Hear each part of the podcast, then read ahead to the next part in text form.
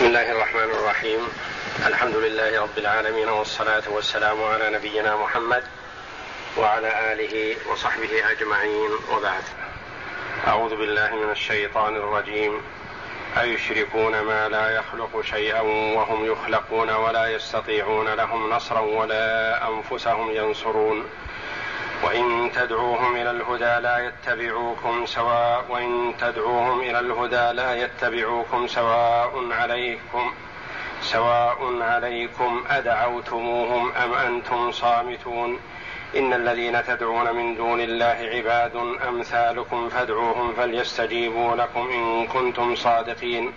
ألهم أرجل يمشون بها أم لهم أيدي يبطشون بها أم لهم أعين يبصرون بها أم لهم آذان يسمعون بها قل ادعوا شركاءكم ثم كيدوني فلا تنظرون إن ولي الله الذي نزل الكتاب وهو يتولى الصالحين والذين تدعون من دونه لا يستطيعون نصركم ولا أنفسهم ينصرون وإن تدعوهم إلى الهدى لا يسمعوا وتراهم ينظرون إليك وهم لا يبصرون.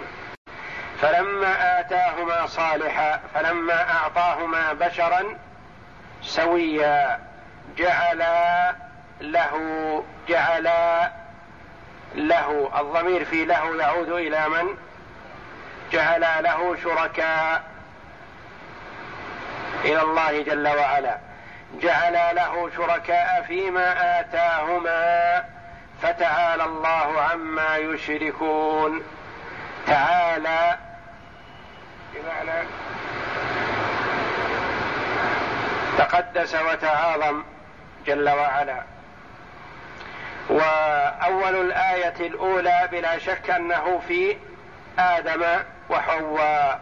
ثم السياق هل استمر في آدم وحواء أو لم يستمر؟ قيل وقيل. قيل إن المراد في صدر الآية الأولى آدم وحواء بلا شك. ثم انتقل الكلام من آدم وحواء إلى ذريتهما من الاجناس من أجناس البشر. لأن لأن الله جل وعلا قال جعل له شركاء فيما آتاهما فتعالى الله عما يشركون. وآدم وحواء آدم هو نبي وهو أبو البشرية والأنبياء معصومون من الشرك. وهذا يرجح أن المراد ذرية آدم. وقيل المراد آدم وحواء والمراد بهذا الشرك شرك في التسمية لا في العبادة.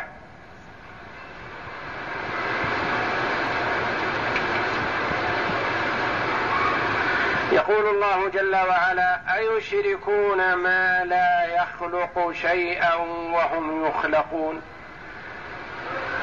ولا يستطيعون لهم نصرا ولا أنفسهم ينصرون. وإن تدعوهم إلى الهدى لا يتبعوكم وسواء عليكم أدعوتموهم أم أنتم صامتون. إلى آخر الآيات. هذه الآيات العظيمة فيها توبيخ وتقريع لعباد الأوثان سواء عبدوا الملائكة أو الرسل أو الأشجار والأحجار أو القبور أو السادة أو أي مخلوق كائنا من كان هذه الآيات فيها توبيخ لهم ولوم وتشنيع عليهم بأنه لا يليق بمخلوق أن يعبد مخلوقا أضعف منه بكثير. وبين جل وعلا صفة هؤلاء المعبودين الذين عبدتهم عبدهم المشركون وتقربوا إليهم وهم لا ينفعون من تقرب إليهم كما أنهم لا يستطيعون ضر من أبغضهم وقلاهم وابتعد عنهم. فالآيات صريحة وواضحة ومتوالية في تقريع من عبد غير الله. يقول الله جل وعلا أيشركون ما لا يخلق شيئا وهم يخلقون؟ الذي يستحق أن يكون شريكا لله تعالى الله يستحق المشاركة. من شارك الله في الخلق؟ شارك الله في الرزق شارك الله في الإحياء شارك الله في الإماتة وهذا مستحيل. اذا من لا يستطيع أن يخلق ولا يستطيع أن يرزق ولا أن يستطيع أن يحيي ولا أن يستطيع أن يميت ولا يتصرف في أمور الكون لا يستحق شيئا من العبادة. لا يستحق. ليس له دبره ولا أمر ولا نهي ولا تصرف في الكون حتى يرجى ويخاف. أيشركون ما لا يخلق شيئا؟ يعني من يستحق أن يعبد هو من يخلق. ثم تنزل معهم فقال وهم يخلقون. قد يقال هذا لا يستطيع أن يخلق لكنه معتد بنفسه قائم بنفسه ليس في حاجة إلى غيره. ولا يوجد هذا في المخلوقات لأنه لا يستطيع أن يخلق وهو في حد ذاته في نفسه مخلوق. أيشركون ما لا يخلق شيئا لا يخلق شيئا. أي شيء كائنا من كان ولا شيء صغير ولا شيء حقير لا يخلق.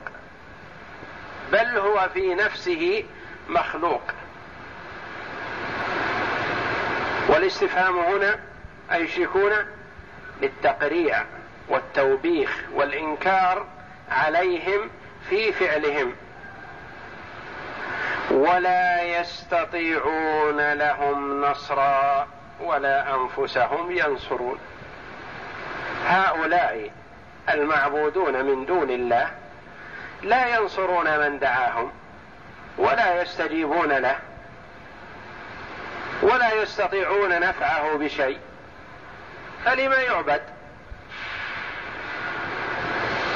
المرء يعبد ويتقرب إلى من يستطيع نفعه. يتقرب إلى من يستطيع دفع الضر عنه. أما من لا يستطيع النفع فلا فائدة فيه. ولا يستطيعون لهم نصرا ولا أنفسهم ينصرون. هؤلاء الآلهة لا يستطيعون نصر أنفسهم فضلا عن غيرهم. لا ينصرون غيرهم ولا ينصرون أنفسهم بل هم ضعفاء.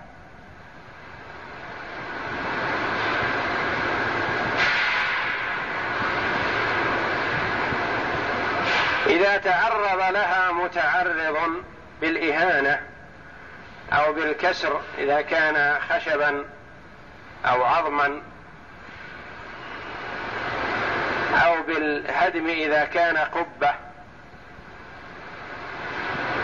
أو بالإحراق إذا كان مما يحترق لا يستطيع أن يدفع عن نفسه. فإبراهيم عليه السلام لما جاء إلى أصنام قومه كسرها كلها إلا واحدة تركه. فلو كانت آلهة تستطيع النفع أو دفع الضر عن الغير لدفعت الضر عن نفسها. نفعت نفسها في مكافحة من يريد التعدي عليها. ولا أنفسهم ينصرون.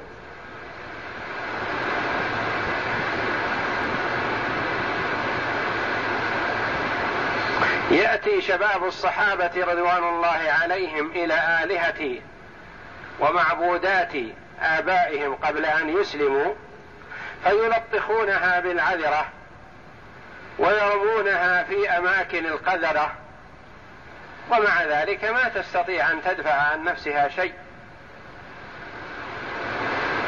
لا تنفع ولا تضر ولا تدفع عن نفسها مكروها ولا تجلب لنفسها خيرا فضلا عن غيرها. ولا أنفسهم ينصرون وإن تدعوهم إلى الهدى لا يتبعوكم.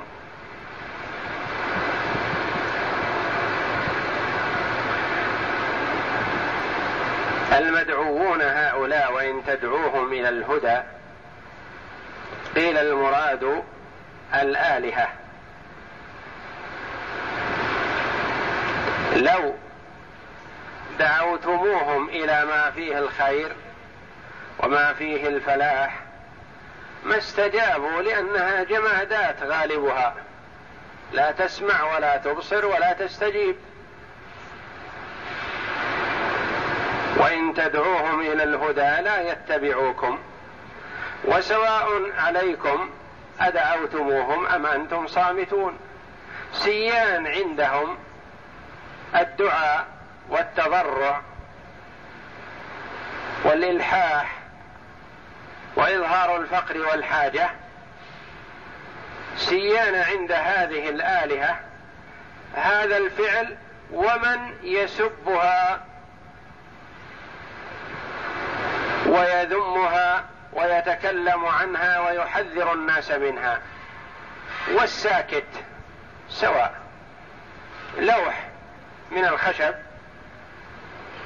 واحد يجأر إليه بالدعاء يسأله ويستغيث به وآخر يسبه وثالث ساكت كل هذه الثلاثة سواء عنده لأنه جماد لا يسمع ولا يبصر ولا يدرك. وإن تدعوهم إلى الهدى لا يتبعوكم. وقيل المراد في قوله جل وعلا وإن تدعوهم إلى الهدى الخطاب للمؤمنين يعني أن هؤلاء الذين يدعون الأصنام ويعبدونها مهما دعوتموهم إلى الهدى والصلاح والاستقامة فإنهم لا يتبعونكم لأن الله جل وعلا قد حكم عليهم ازلا بالشقاء.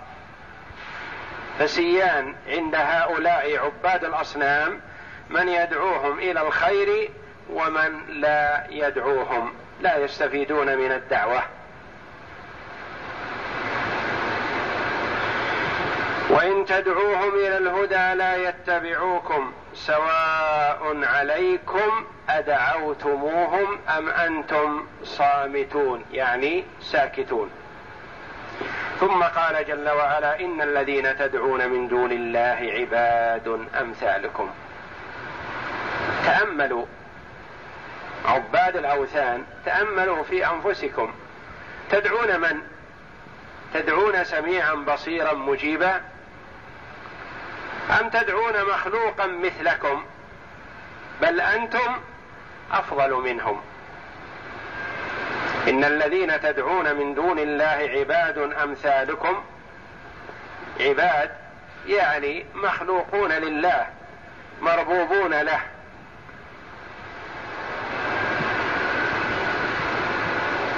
مأمورون منهيون. وهذا يعم كل من عبد من دون الله سواء كان من الجمادات أو من الأنبياء والصالحين أو من الملائكة.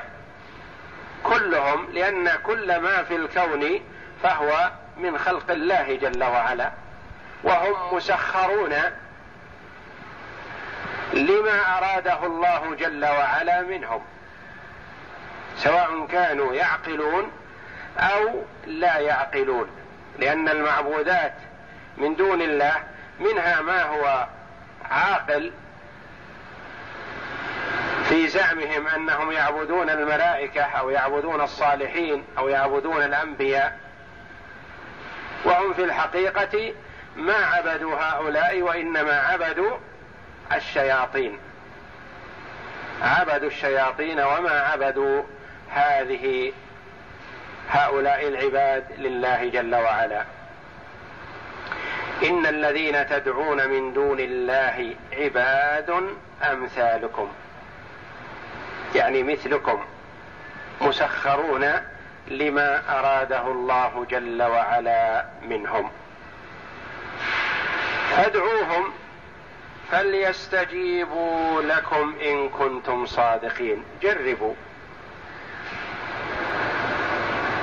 توجهوا إليهم واسالوهم اسألوه اسألوهم شيئا معينا. انظروا هل يستطيعون أن يجلبوه لكم؟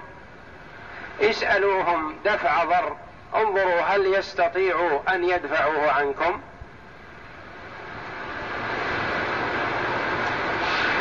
فليستجيبوا لكم إن كنتم صادقين. يعني في أنهم ينفعون أو يضرون.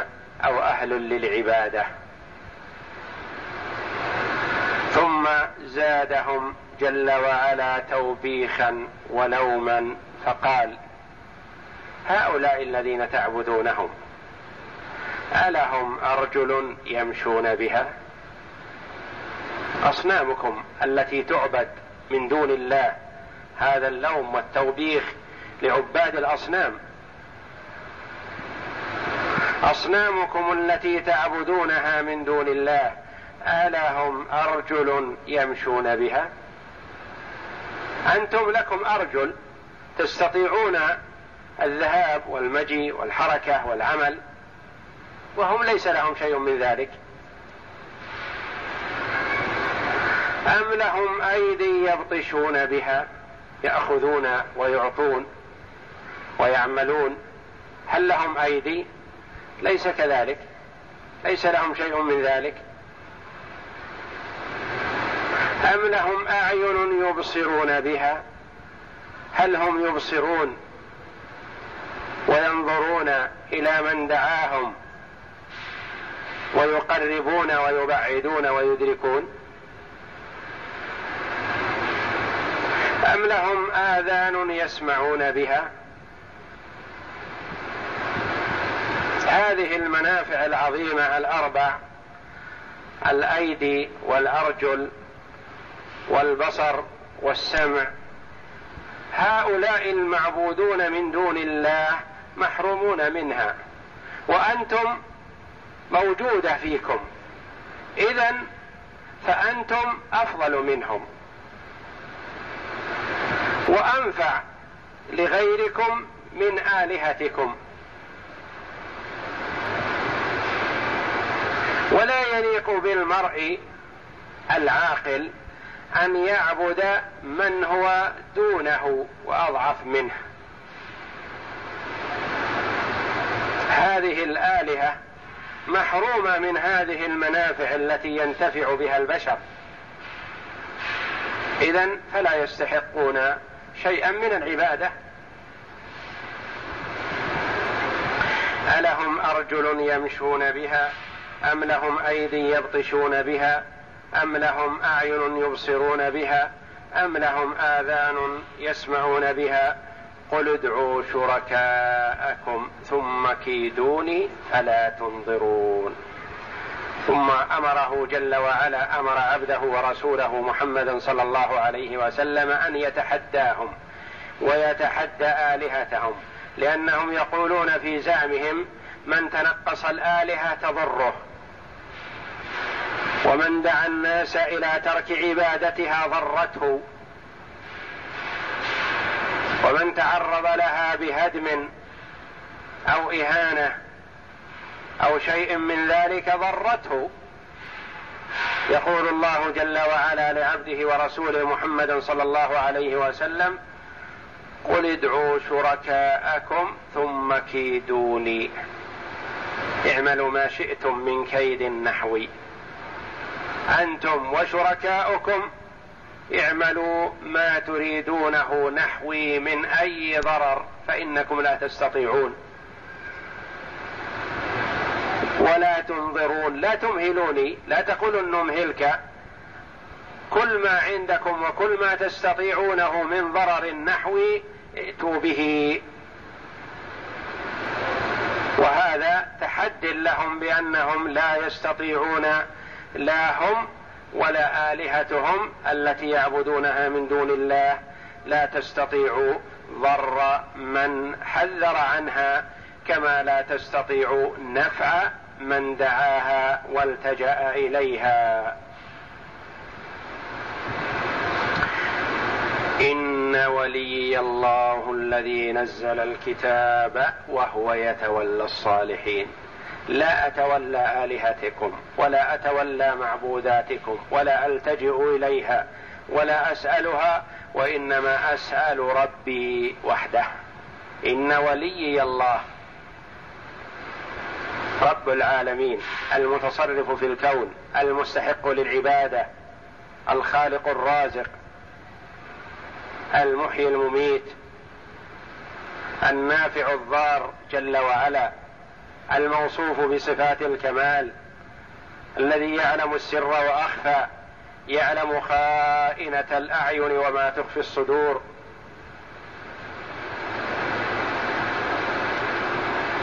إن وليي الله الذي نزل الكتاب. ما المراد بالكتاب؟ القرآن. وهو يتولى الصالحين يدافع عنهم. ويكلأهم ويحميهم وينصرهم في الدنيا والآخرة.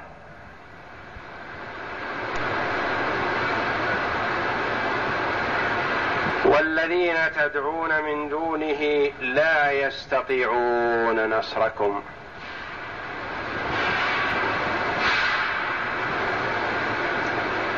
هذا فيه التفات ومخاطبة للمشركين أنفسهم.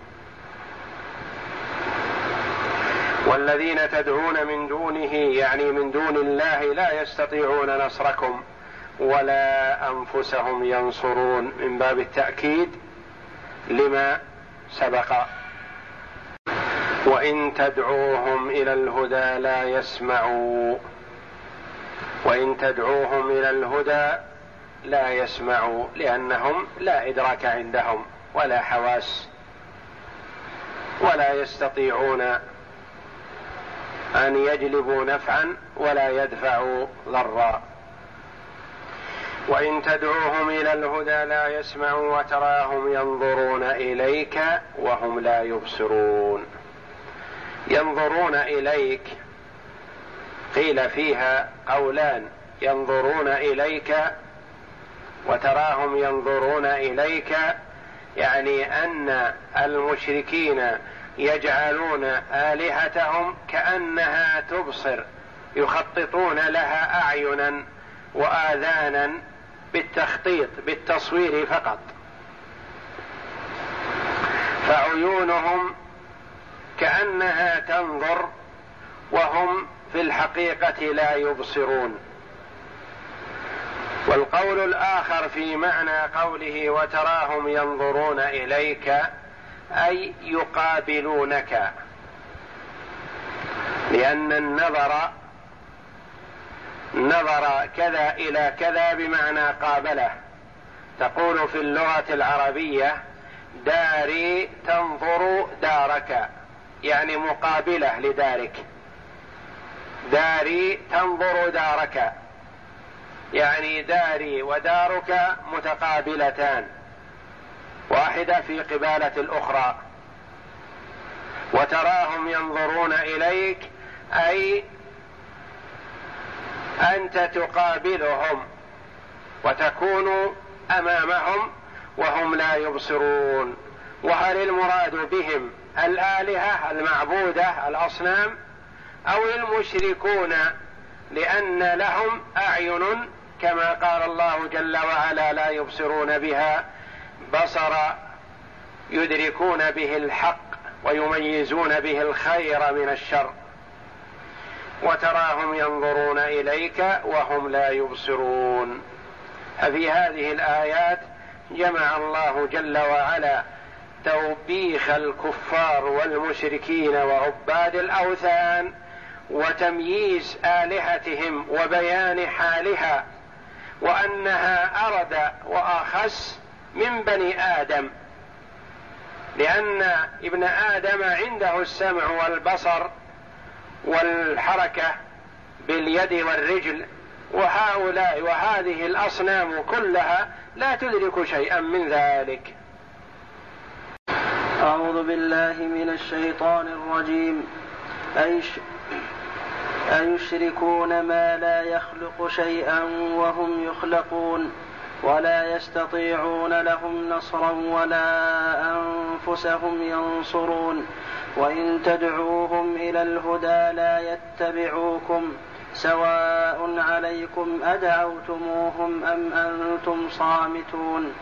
إن الذين تدعون من دون الله عباد أمثالكم فادعوهم فليستجيبوا لكم إن كنتم صادقين. ألهم أرجل يمشون بها أم لهم أيدي يبطشون بها أم لهم أعين يبصرون بها أم لهم آذان يسمعون بها قل ادعوا شركاءكم ثم كيدوني ثم كيدوني فلا تنظرون إن وليي الله الذي نزل الكتاب وهو يتولى الصالحين والذين تدعون من دونه لا يستطيعون نصركم ولا أنفسهم ينصرون وإن تدعوهم إلى الهدى لا يسمعوا وتراهم ينظرون إليك وهم لا يبصرون. قال العماد بن كثير رحمه الله هذا إنكار من الله على المشركين الذين عبدوا مع الله غيره ثم الأن من الأنداد والأصنام والأوثان وهي مخلوقة لله مربوبة مصنوعة لا تملك شيئا من الأمر أكمل أكمل منها بسمعهم وبصرهم وبطشهم ولهذا قال أيشركون ما لا يخلق شيئا وهم يخلق وهم وهم يخلقون؟ أي أيشركون به من المعبودات ما لا يخلق شيئا ولا يستطيع ذلك كقوله تعالى يا أيها الناس ضرب مثل فاستمعوا له إن الذين تدعون من دون الله لن يخلقوا ذبابا ولو اجتمعوا له وإن يسلبهم الذباب وإن يسلبهم, الذباب شيئا لا يستنقذوه منه ضعف الطالب والمطلوب. ما قدروا الله حق قدره إن الله لقوي عزيز. أخبر تعالى أن آلهتهم لو اجتمعوا كل لو اجتمعوا كلهم ما استطاعوا خلق ذبابة بل لو سلبتهم الذبابة شيئا من حقير المطاعم وطارت لما استطاعوا إنقاذه منها فمن, فمن, فمن هذه صفته وحاله كيف يعبد ليرزق ويستنصر؟ ولهذا قال تعالى لا يخلقون شيئا وهم يخلقون أي بل هم مخلوقون مصنوعون. كما قال الخليل أتعبدون ما تنحتون؟ الآية. ثم قال تعالى ولا يستطيعون لهم نصرا. أي لعابديهم ولا أنفسهم ينصرون يعني ولا لأنفسهم ينتصر ينصرون ممن أرادهم بسوء كما كان الخليل عليه الصلاة والسلام يكسر أصنام قوم يكسر أصنام قومه ويهينها غاية الإهانة. كما أخبر تعالى عنه في قوله فراغ عليهم ضربا باليمين وقال تعالى فجعلهم جذاذا إلا كبيرا لهم لعلهم إليه يرجعون وكما كان معاذ بن عمرو بن الجموح ومعاذ بن جبل رضي الله عنهما وكانا شابين قد أسلما لما قدم رسول الله صلى الله عليه وسلم المدينة فكانا. فكانا يعد يعدوان في الليل على أصنام المشركين يكسران. يقومان في الليل رضي الله عنهما على أصنام المشركين فيكسرانها.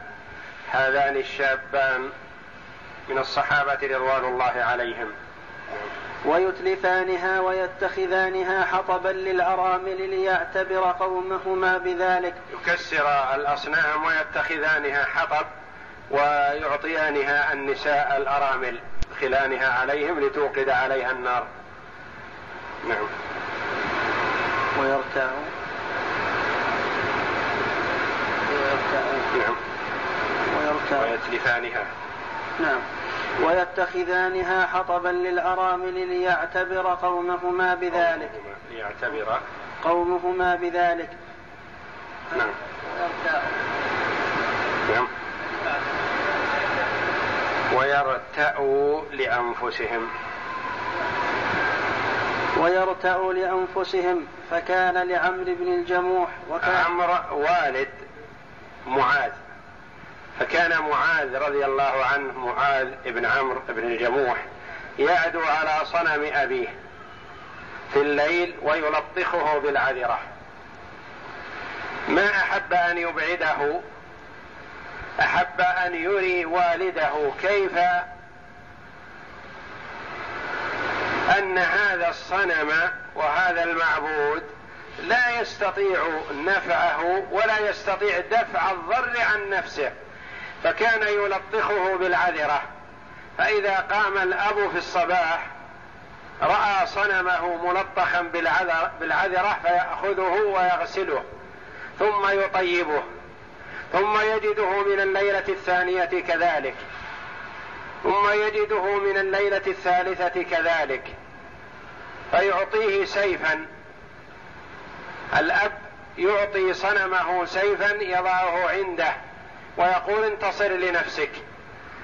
فلما رأى الشابان ما فعل الأب ووضع السيف عند صنمه ظنا منه أن الصنم ينتصر لنفسه أخذ الصنم والسيف وربطاهما بكلب ودلياهما في قليب محجوره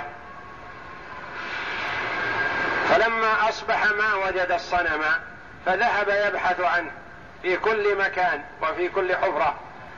فوجده مدلا في القليب مع كلب. فعرف واستيقظ أراد الله جل وعلا له خيرا فاستيقظ وأدرك أن هذا الصنم لو كان ينفع أو يدفع ضر لدفع الضر عن نفسه. في تلك الليالي يلطخ بالعذرة بالغائط والأوساخ. وفي الليلة الأخيرة يقرن مع كلب ميت لو كان بيده نفع أو ضر. ما بقي مع الكلب الميت مربوط بحبل مدلم في حفرة. فاستيقظ الأب وفكر وهداه الله جل وعلا بتوفيقه للإيمان فآمن رضي الله عنه وحسن إسلامه. ثم لما كانت غزوة أحد منعه أولاده من الخروج إلى أحد. وقالوا له إنك أعرج. والله جل وعلا قد عذرك. فامتنع وأصر على الخروج واشتكى أولاده على النبي صلى الله عليه وسلم. فقال يا رسول الله إن أولادي يمنعوني من الخروج للجهاد في سبيل الله لقتال الكفار. ويقول ويقولون لي إنك أعرج والله قد عذرك. فقال له رسول الله صلى الله عليه وسلم نعم إن الله قد عذرك. فقال يا رسول الله إني أريد أن أقرأ بعرجتي هذه في الجنة. وأصر على الخروج رضي الله عنه وخرج وقتل شهيدا رضي الله عنه وأرضاه. يرتع ينظر يتدبر فكان لعمرو بن الجموح وكان سيدا في قومه صنم يعبده ويطيبه. انظر حال المرء. هذا سيد من سادات القوم. وكيف حينما كان في الجاهلية خال من نور العلم والإيمان يعبد لوحا قطعه من الخشب يطيبها وينظفها ويعبدها. هذه حاله وهو سيد من سادات القوم. وانظر إلى حاله لما بصره الله وهداه للإيمان. أصر إلا أن يخرج مجاهدا في سبيل الله يقاتل الكفار. يطلب الشهادة. يقول أريد أن أطأ بعرجتي هذه في الجنة. كيف تغيرت حاله؟ السابقة ظلمات الجهل والشرك وعبادة الأوثان وعبادة لوح. لا يسمع ولا يبصر ولا ينفع. ثم بعد ذلك يصر على أن يبذل نفسه رخيصة في سبيل الله لإعلاء كلمة الله يطلب الشهادة. يقول أحب أن أخرج فلا أرجع لأطع بعرجة هذه في الجنة. رضي الله عنه وأرضاه. نعم. فكانا يجيئان في الليل فينكسانه على رأسه ويلطخانه بالعذرة العذرة الأوساخ الغائط. نعم. فيجيء عمرو بن الجموح فيرى ما صنع ما صنع به فيغسله ويطيبه ويضع عنده سيفا ويقول له انتصر ثم يعودان لمثل ذلك ويعود إلى صنيعه أيضا حتى أخذاه مرة فقرناه مع كلب ميت ودلياه في حبل في بئر هناك. فلما جاء عمرو بن الجموح ورأى ذلك نظر فعلم أن ما كان عليه من الدين باطل وقال تالله لو كنت إلها مستد لم تك والكلب جميعا في قرن. في قرن يعني مقرون مع كلب. لو كان بيدك نفع أو دفع ضر لنفعت نفسك ولا دفعت الضر عن نفسك لكنك لا خير فيك. وهداه الله جل وعلا للإيمان فآمن. نعم. ثم أسلم فحسن إسلامه وقتل يوم أحد أحد شهيدا. رضي الله عنه وأرضاه وجعل جنة الفردوس مأواه وقوله وإن تدعوهم إلى الهدى لا يتبعوكم الآية يعني أن هذه الأصنام لا تسمع دعاء من دعاها وسواء لديها من دعاها وسواء لديها من دعاها ومن دحاها كما قال إبراهيم عليه السلام يا أبت لم تعبد ما لا يسمع ولا يبصر ولا يغني عنك شيئا؟ ثم ذكر تعالى أنها عبيد مثل عابديها أي مخلوقات مثلهم بل, بل الإناس أكم أكمل منها لأنها تسمع وتبصر وتبطش وتلك, وتلك لا تفعل شيئا من ذلك. وقوله قل ادعوا شركاءكم الآية قل ادعوا شركاءكم الآية. أي استنصروا بها فلا فلا تؤخروني طرفة عين وأجروا بها علي. أي استنصروا بها علي فلا تؤخروني طرفة عين وأجهدوا جهدكم. إن ولي الله الذي نزل الكتاب وهو يتولى الصالحين.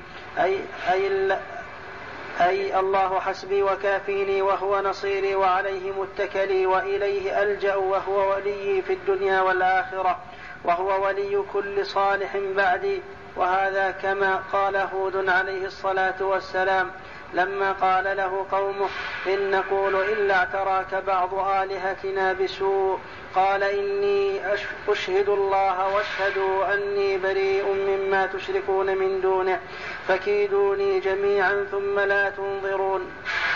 إني توكلت على الله ربي وربكم. ما من دابة إلا هو آخذ بناصيتها. إن ربي على صراط مستقيم. وكقول الخليل عليه الصلاة والسلام أفرأيتم ما كنتم تعبدون أنتم وآباؤكم الأقدمون؟ فإنهم عدو لي إلا رب العالمين. الذي خلقني فهو يهدين. الآيات وكقوله لأبيه وقومه إنني براء مما تعبدون إلا الذي فطرني فإنه سيهدين وجعلها كلمة, با كلمة باقية في عقبه لعلهم يرجعون وقوله والذين تدعون من دونه إلى آخر الآية مؤكد لما, مؤكد لما تقدم إلا أنه بصيغة الخطاب وذاك بصيغة الغيبة ولهذا قال لا يستطيعون نصركم ولا أنفسهم ينصرون. وقوله وإن تدعوهم إلى الهدى لا يسمعوا وتراهم ينظرون إليك وهم لا يبصرون كقوله تعالى إن تدعوهم لا يسمعوا دعاءكم الآية. وقوله وتراهم ينظرون إليك وهم لا يبصرون. إنما قال ينظرون إليك أي يقابلونك بعيون مصورة كأنها ناظرة وهي جماد.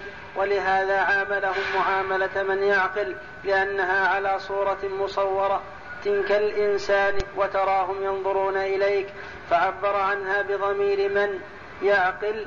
وقال السدي المراد بهذا المشركون وروي عن مجاهد نحو وهو الأول أولى وهو اختيار ابن جرير وقاله قتادة.